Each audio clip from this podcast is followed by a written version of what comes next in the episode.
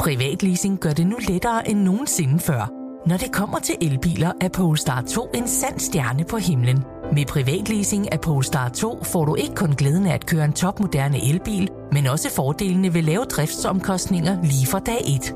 Du slipper for bekymringer om vedligeholdelse og service, for alt er inkluderet i den faste månedlige pris. Oplev friheden ved privatleasing af en Polestar 2. Besøg polestar.com.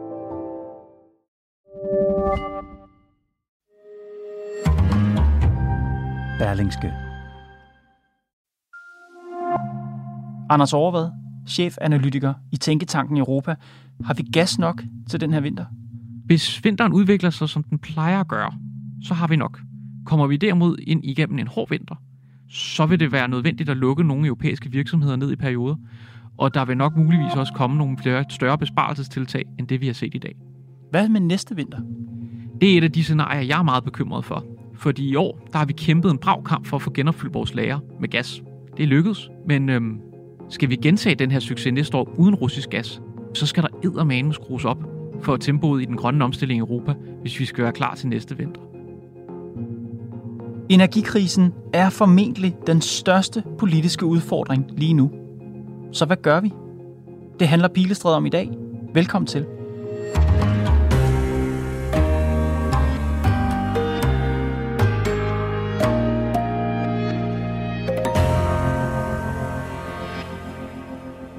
Anders, det er jo en øh, historisk energikrise, det siger klimaministeren jo også. Og det, som mange jo tænker på lige i øjeblikket, det er de gasledninger Nord Stream 1 og 2, der blev ødelagt, saboteret her for nylig. Men hvilken rolle spiller de to gasledninger egentlig for energikrisen? Jamen, de har jo været ret afgørende i sig selv. Bare den symboliske i, at øh, i det øjeblik Rusland begyndte at skrue på hanerne til allerede sidste år for at få gaspriserne op, der var man jo pres på for Ruslands side at skulle åbne Nord Stream 2 det er cirka en tredjedel øh, af den samlede gas, EU får for Rusland, der kan være i de her rødledninger, så det er ikke usubstantielle mængder. Mm.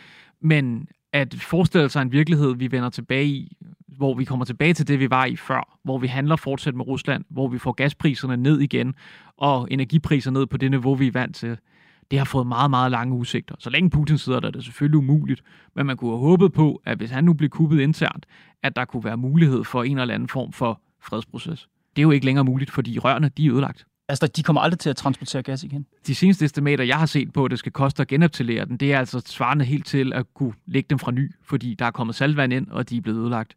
Men ødelæggelsen af dem i sig selv, ændrer de noget på den altså historiske energikrise, som vi jo står i og har talt om i uvis, også inden da? Nej, det gør de ikke, fordi der løber jo ikke gas igennem rørene, som, som sådan gør de ikke situationen værre. Men det, der har gjort med sabotagen af Nord Stream, det er for det første får du sendt et meget, meget stærkt signal om, at fremtiden er ikke et russisk EU-samarbejde på energipolitik.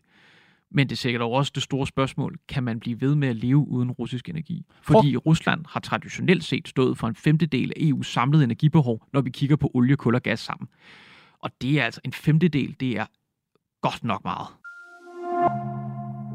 Hvor meget er det i Danmark? Altså, hvor afhængig har vi været i Danmark af, af russisk energi? Vi har været ret forskånet. For det første har vi haft egne naturgasreserver indtil for nyligt gennem Tyrefeltet. Det blev så lige lukket ned, fordi det skulle renoveres. Men traditionelt har vi faktisk været selvforsynende i gas. Vi får heller ikke synderligt meget olie fra Rusland, og det har, til gengæld har vi købt noget kul derovre. Men kul er relativt subsidiørbart. Det kan vi købe andre steder. Mm-hmm. Så Danmark står ikke et problem. Men kigger du på et land som Tyskland, så er det halvdelen af deres gas, de har fået fra Rusland. Og for dem er det her en ekstrem stor sårbarhed. Vi er ikke i stand til længere at få russisk gas, og du siger, det skal vi heller ikke regne med at få på længere sigt. Så hvad gør vi? På den korte bane, der er vi jo gået rundt for at købe gas op i andre lande. Det er for eksempel USA, Kanada, Azerbaijan, Katar. Købe energi alle de steder, hvor det overhovedet er muligt, for at sikre os til den her vinter og få genopfyldt vores gaslager. Mm-hmm. Det går faktisk rigtig godt. Vi har fået rigtig mange gode kontrakter hjem, og vi har også fået genopfyldt vores lager. På den lange bane, der kører vi nogle andre spor. Det handler om, at vi skal have mere vedvarende energi i Europa. Der er faktisk mål om, at vi skal tredoble mængden af vedvarende energi i EU inden 2030. Vi skal også lave det, der hedder energieffektivitetsløsninger. Vi skal simpelthen bruge vores energi mere effektivt. Det er så noget som at isolere vores huse bedre, bedre vinduer, bedre radiatorer, og en lang række tiltag, der i det hele taget er en stor sparepolitik. Mm-hmm. Det er den rigtige vej at gå på den lange bane. Problemet er, at den slags ting tager tid, for det her vil også kræve massiv udbyggelser af det europæiske elnet, noget, der traditionelt set har været meget, meget svært. Fordi energipolitik har indtil nu været et nationalt område. det er det stadigvæk, men flere og flere løfter ideen for, at EU skal simpelthen til at være en energiunion. Mm-hmm. Fordi hele den her krise viser jo tydeligt, at vi har nogle problemer med vores sårbarhed. Særligt når enkelte vælger at gøre sig meget håbløst afhængig af russisk energi. Jeg vil gerne spørge dig til den korte bane først. Fordi der er jo mange, der taler om lige nu, øh, at vi skal til at skrue op for øh, den fossile energi igen. Det er vi nødt til i den her mm. situation. Øh, er det rigtigt? Er vi nødt til, altså kan vi bare handle os til det andre sted, eller er vi nødt til at skrue op for, den, øh, for produktionen eller udvinding af fossil energi i Europa igen? Desværre så taber klimaet jo på den korte bane her, men det er nok desværre bare et onde, vi må vende os til. Fordi noget af det, vi kan gøre, det er, at vi kan fyre mere kul ind i kulkraftværkerne skal altså også sige, at det vejrforhold, vi har været udsat for her over sommeren, der kunne man godt mistænke vejret holde med Putin. For det var en ekstraordinær varm sommer, hvor vi var nødt til at skrue op for aircondition i Europa. Det var også en ekstraordinær tør sommer, og den manglende vand gjorde, at der blev produceret mindre vandkraft, end der normalt ville. Og der var faktisk også så meget mangel på vand i de franske floder, at man ikke kunne køre fuld drift på sine atomkraftværker, der bruger vandet til at køle reaktorerne ned. Mm-hmm. Det har jo også passet Europa under pres, og det er ikke noget, vi selv er herover. Nej, men det jeg tænker, det er, at vi har jo de her klimamålsætninger, Anders. Det, at vi øh, ikke kan få energien fra de steder, vi plejer at få, og vi så selv fyrer kul på, eller hvad nu vi gør, ændrer det på, altså er det et problem for klimamålsætningerne? Fordi uanset hvor vi får den energi fra, så er det vel baseret på fossile brændstoffer. Ja, og det bliver et problem, og når vi køber mere flydende, flydende naturgas, som vi gør i øjeblikket, så forurener den ofte også mere end den gas, som vi fik fra Rusland før. Så for okay. klimamålsætningen, der er vi altså nok gået et skridt tilbage. Det vi kan glæde os over, den langsigtede løsning på det her, som er mere vedvarende energi og energieffektivitet, mm. det er så to skridt frem. Så på den lange bane, der er jeg ikke så bekymret for klimaet, mm-hmm. men det er klart, at der kommer nogle omkostninger lige nu. Mm-hmm. Og den langsigtede plan, du taler om 2030-mål for grøn mm. energi, det er, lad mig lige se på kalenderen, det er der, øh, små, øh, det er der syv, lidt, lidt over syv år til. Er det realistisk? Det kommer eddermane med til at blive svært, fordi igen, så er der altså mangel på de rigtige kompetencer til at opføre det her. Det er ikke kun herhjemme, vi mangler håndværkere, det er alle steder. Og selvom vi går ind i en recession, jamen så den alene målsætning om det her, det er ambitiøst. Og det kommer altså også til at kræve noget politisk. Der er for mange barriere for opførelsen af ny vedvarende energi. Det tager for lang tid at få tilladelserne. Mm. Der er nogle steder, der skal op på. Først så synes vi, at vi skal få det afklaret med et lille ja-nej-runde. Er det statens, altså regeringen, jeres opgave, at sikre, at danskerne kan betale deres regninger Inger Støjbe, der blev et øh, ja fra dig. Maj Villadsen, ja. Søren Pape Borgsen er også med på et ja. Det er Morten Messersmith også. Det er Pia Olsen Dyr også. Jakob Ellemann også med på et ja. Franziska Rosenkilde et ja. Anders, uanset øh, hvilken regering vi får, vi står jo midt i en valgkamp. Uanset hvilken regering vi får, så er der hjælpepakker på vej. Der er allerede kommet en varmepakke. Vi er rigtig glade for at kunne præsentere en ny aftale om en varmesjek til trængte danskere. Og jeg er helt sikker på, at der kommer mere hjælp ud til de danskere, som lige nu har rigtig, rigtig svært ved at betale deres varmeregninger. Er det en god idé? Isoleret set vil jeg sige nej. Det er farligt at skubbe til efterspørgselen i en situation, hvor det er absolut afgørende, at vi alle sammen sparer på energien. Jo mere vi kan spare, jo mindre afhængig vi vil være af den gas, som vi får fra Rusland. Så politikerne skal ikke hjælpe danskerne? Det er, vil være politisk svært at forsvare, at man ikke gør noget, men man skal hjælpe klogt. Vi skal hjælpe dem, der har sværest ved at komme igennem krisen. Hvem er det? Jamen, det vil være de fattigste for at sige det rent ud. Men kigger du for eksempel på det danske tiltag, der var at fjerne energiafgifterne per 1. januar, så har den grønne tænketank Concito regnet ud, at det alt andet lige vil øge efterspørgselen efter strøm med 7%. Det er jo den forkerte vej at gå på et tidspunkt, hvor vi skal spare på energien. Og der må jeg jo bare sige som økonom, det kan være meget kynisk, men højere priser, det er altså det, der får folk til at tænke over, hvornår vi vasker tøj, hvordan vi laver mad, og hvordan vi bruger vores energi. Og hvis du ikke har det her prisværktøj, så er det altså rigtig svært at opnå de nødvendige besparelser. Mm-hmm. Så danskerne skal vende sig til kolde stuer? De skal nok vende sig til, at de ikke skal skrue så meget op for varmen, som man måske gerne vil. Så køb en sweater, det vil være et godt sted at starte, fordi vi er alle sammen en del af den her krig, der foregår i Ukraine lige nu. Og når Rusland de prøver at skrue på gashanerne for at tvinge priserne op, så er det jo netop fordi, at de ønsker at splitte den europæiske befolkning ad ved for eksempel at få folk på gaderne til at få ophævet sanktionerne mod Rusland. Så jeg er faktisk en soldat i øh, den øh, ukrainsk-russiske krig, når jeg står hjemme foran mit varmeapparat og lige skruer ned på termostaten? Det er i hvert fald der, hvor du konkret kan være med til at gøre en forskel. Og selvfølgelig hjælper det ikke meget, hvad du individuelt gør. Men hvis vi alle sammen tænker over, hvordan vi bruger energien, så står vi altså bare til at komme igennem den her vinter på en meget mere hensigtsmæssig måde. Men politikerne skal i hvert fald ikke dele så rundhåndet ud af hjælpen, som de lægger op til i valgkampen. Det er jo ikke kun i Danmark, vi ser det her. Kigger du mod Tyskland, så har man jo lige annonceret, at man vil øh, mobilisere 200 milliarder euro. Altså det er 5% af Tysklands BNP i en ny redningspakke, som skal fordeles på rigtig, rigtig mange måder, ganske mm. vist. Germany's Chancellor Olaf Scholz has unveiled a 200 billion euro plan to guard the German economy against the effects of soaring energy prices. Men der er jo bare tryk på de finanspolitiske kedler overalt i Europa, fordi alle politikere ikke vil stå i en situation, hvor befolkningen går på gaden. Altså, vi kender det fra Frankrig med gule veste problematik, hvor utilfredsheden vokser for meget. Det er bare problematisk, fordi det er den forkerte vej at gå i den situation, vi står i. Men kan du undgå den utilfredshed, den uro, den sociale ustabilitet, hvis ikke du, som alle politikerne fra venstre til højre lægger op til, siger, prøv at høre, kære danskere, vi skal nok hjælpe jer med jeres varmeregninger? Det bliver svært, men jeg tror, det, der er vigtigt, det er at forklare folk, hvilken situation vi står i, og så samtidig skrue op for nogle andre politiske initiativer. I stedet for at bruge pengene på at give folk penge til at betale deres varmeregning, hvorfor så ikke prøve at fremrykke det, man på øh, energilingo kalder energieffektivitetsløsninger. Lad os prøve at få udrullet fjernvarmenetværkene i et hurtigere tempo. Lad os få efterisoleret vores bygninger. Mm. Lad os få høstet de lavt hængende frugter, hvor vi bruger for meget energi. Mm. Med at lave den slags langsigtede planer, så har vi jo vist, at befolkningen er i stand til at bringe store ofre gennem coronakrisen krisen, hvor vi blev hjemme og vi er samfundssind. Det er desværre også meget at bede om efter to år med corona, men det er nok der, hvor vi desværre står, fordi tid er en knap ressource. Mm-hmm. Og den plan, der ligger for EU, den kører jo med, at vi skal blive afhængige af Rusland i 2027. Men jeg har bare svært ved at se, eller sådan mentalt forestille mig et Danmarkskort, hvor folk sidder indenfor i deres hjem med tykke svætre og, øh, og uldsokker på, og klaprende tænder og drikker øh, urtete. Mm. Altså, er det, er det det Danmark, vi skal vende os til? Det vil det nok være den her vinter, men man kan jo starte med at gøre, som vi har gjort i Danmark, og sige, at de offentlige bygninger ikke skal varmes op til mere end 19 grader. Det er et konkret spareinitiativ, mm. hvor det offentlige går forrest. Nu læste jeg forleden her, at IKEA de vil slukke for lyset i deres lagerhaller om natten. Der kunne man også spørge, er der ikke andre butikker, der kunne gå samme vej? Fordi hvorfor skal der være lys om natten? Der er stadigvæk mange lavthævdende frugter derude, som man godt kunne politisk starte med at gå efter. Så bykernen i Aarhus, i, øh, i Odense, i København, de store byer, det skal være mørke. Altså, du beskriver jo nærmest sådan en jeg slags Jeg ikke, om vi skal snakke for gadebelysningen, men hvis man... Er eksempel... butiksvinduer, der skal bare være sorte vinduer. Ja, det ville da være bedre, end at der sidder folk, der ikke kan betale deres varmeregning. Der må vi da alle sammen blive samfundssind for at hjælpe den enlige mor, der for eksempel ikke har råd til både mad og varme. Grunden til, at vi har Øh, vi talte før om de her hjælpepakker, som du ikke er så begejstret for.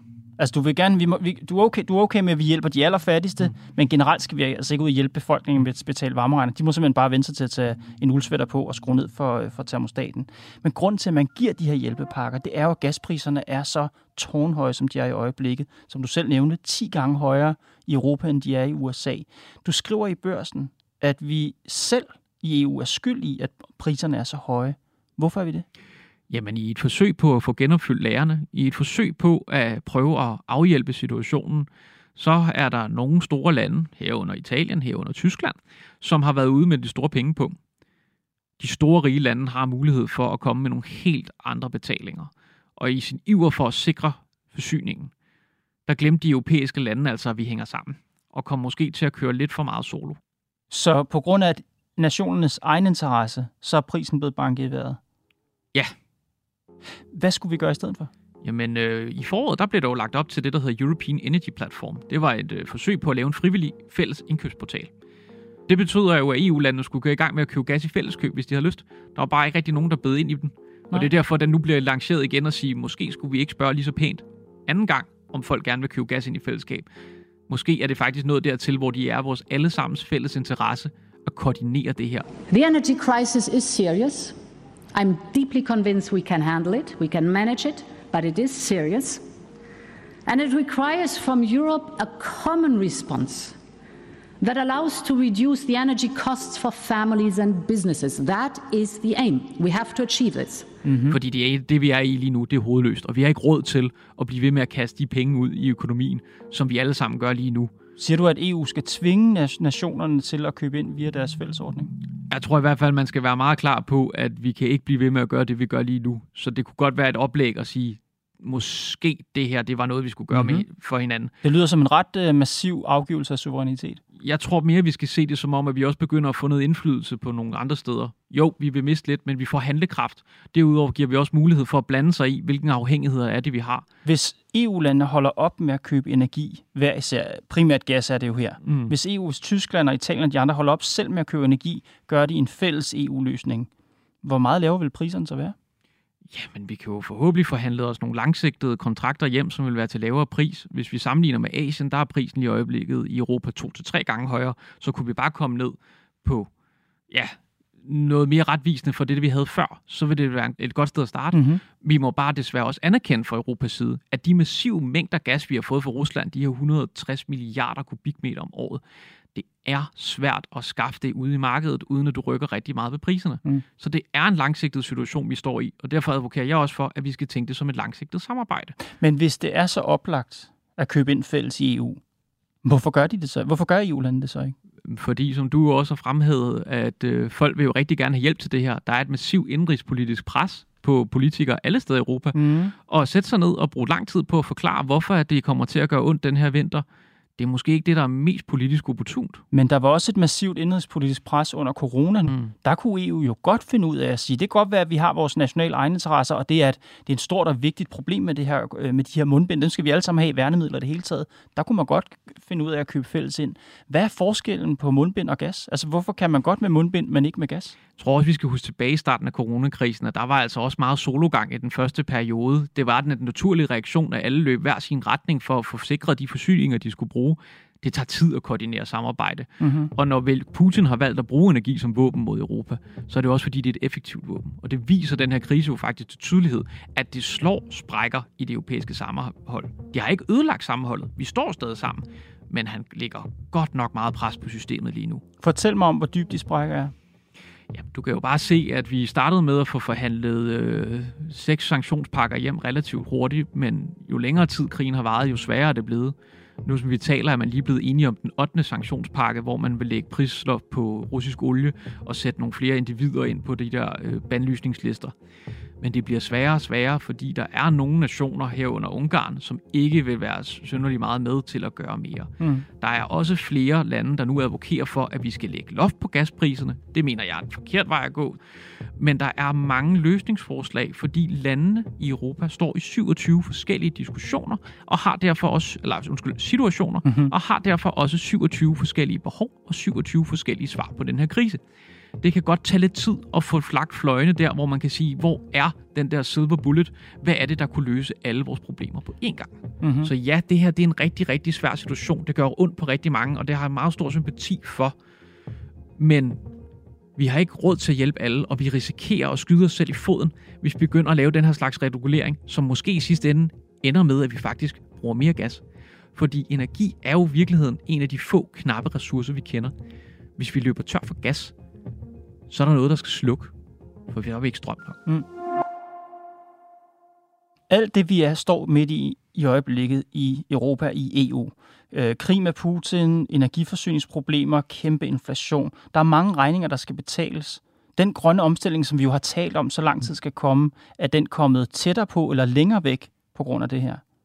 Heldigvis tror jeg faktisk, den er kommet tættere på, fordi det er jo blevet rigtig tydeligt, at energipolitik er sikkerhedspolitik. Og i Europa er vi ikke så heldige, at vi har de helt store ressourcer af både kul, olie og gas. Det er jo noget, vi traditionelt set altid skulle købe alle mulige andre steder. Så skal du have det, der i europæisk lingo hedder strategisk autonomi, altså mm. selvbestemmelse, jamen så er vedvarende energi altså den rigtige vej at gå. Og ja, der er nogle problemer i, at vi ikke altid ved, hvor meget det blæser. Men kan vi få integreret vores elnet i Europa, så strømmen faktisk kan flyde frit, så vil det være et rigtig, rigtig stærkt værktøj til, at det bliver meget mere realistisk at opnå den her energiafhængighed. Så jeg ved godt, det lyder paradoxalt, kan man nærmest takke Putin for at bringe EU altså ud af starthullen, at få os tættere på den løsning, vi har brug for på længere sigt? Jeg vil nok ikke gå så langt som at takke Putin, men jeg tror, at han har synliggjort for mange europæiske ledere, hvorfor at vedvarende energi ikke kun er noget, vi skal gøre på grund af klimaet, men også noget, vi skal gøre for vores sikkerhedspolitiske hensyn. Anders Overvad, tak fordi du kom Pilestræde. Selv tak. Det var Pilestræde for i dag. Programmet er lavet af Mads Klint, Johanne Dibjerg Holgersen, Josefine Maria Hansen, Nicoline Odgaard Sørensen og mig, Kåre Svejstrup.